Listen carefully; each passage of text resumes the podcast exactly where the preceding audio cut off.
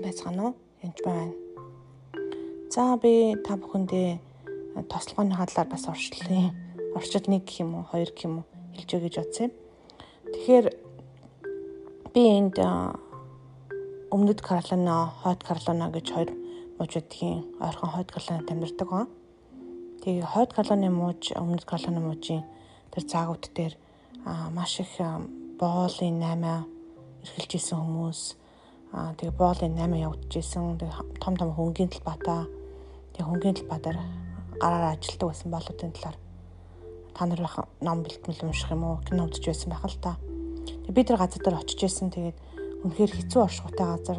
Тэгээд тэр хүмүүс одоо боолоо ширхчлээтэй болсон ч гэсэн яг тухайн газар ойрхон байдаг хүмүүс нь яг л Америк нэгдсэн улсад байгаа мөртлөө хөгжилтэй сайхан оронд байгаа мөртлөө бараг л боолоос тутахгүй маш ядуу хэцүү цогнууд нь чулуугаар хагарцсан тавцсан гин янз бүрээр тавилсан тэр хавьд нэг удаа GPS-ээр төөрж чад нэг хоол идэх гэж явж байгаа сонирн болон дотсон чинь ер нь л хаасайгүй ихийгүү бүх банк нь хоолны гарцаанууд нүрэл цонхны хаалттай төмөр дортоо тийм сонин газар байсан.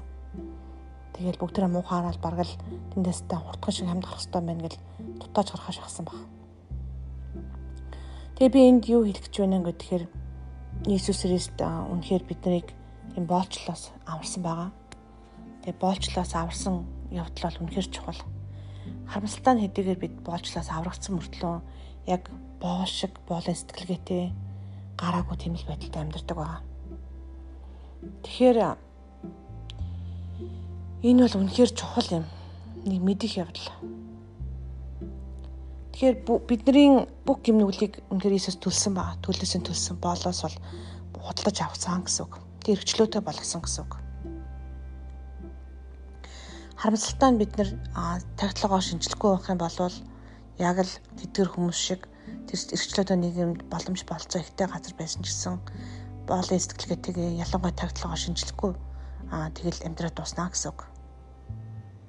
Тэгэхээр энэ луг 4:18 дээр хэлж байна. Л да энэ Исаи намаас ич татсан байдаг. Над дээр эзний сүнс байна. Учир нь ядуу сайн мэдээг хүргэхийн тулд намайг эзэн тосолсон юм. Тэр намайг илгээс нь олзогдод ирчлөөг тунхаглах, сохруудад хараа оруулах, дамдад байгсдаг чөлөөлөхийн цацуу гэж хэлж байгаа. Тэгэхээр энэ дээр Иесус Христийн үйлчлэлийн талаар нэлээд сайн гарч ирж байгаа юм л да.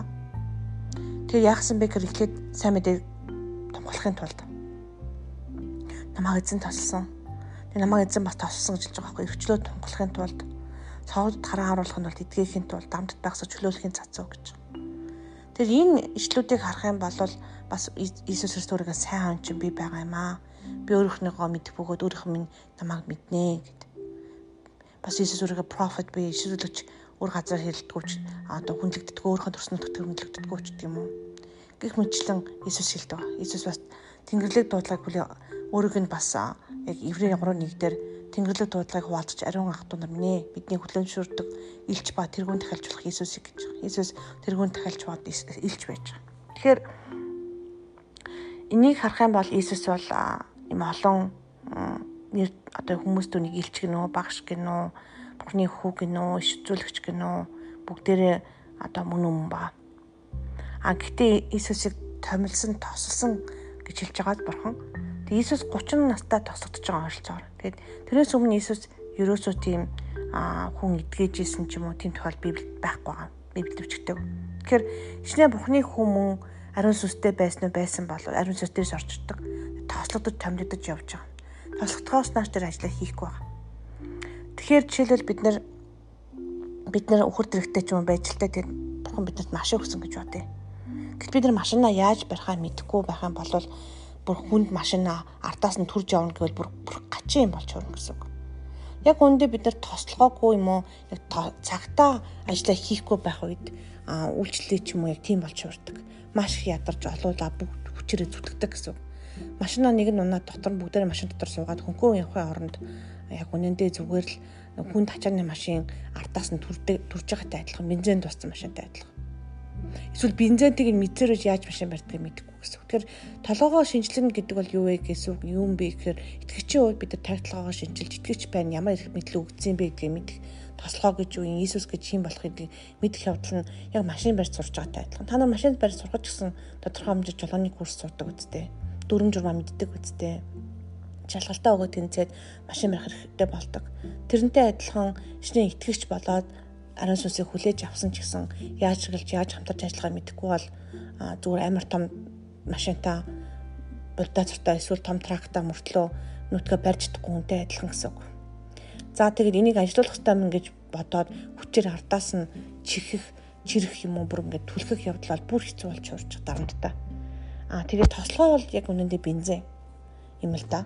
Аа тэгээд бензин бензин бол машин хөдлөхгүй Эхнээ та машин марч чаддаг байсан ч гэсэн танд бензин хэрэгтэй. Аа тэр ариун сүнсний хүч ба туслахаа бол миний бодоор бол үрзүүл гэтээ хамтарч хийгддэг гэж хүчээр болон туслахаагаар хийгдэх боломжууд бол байгаа.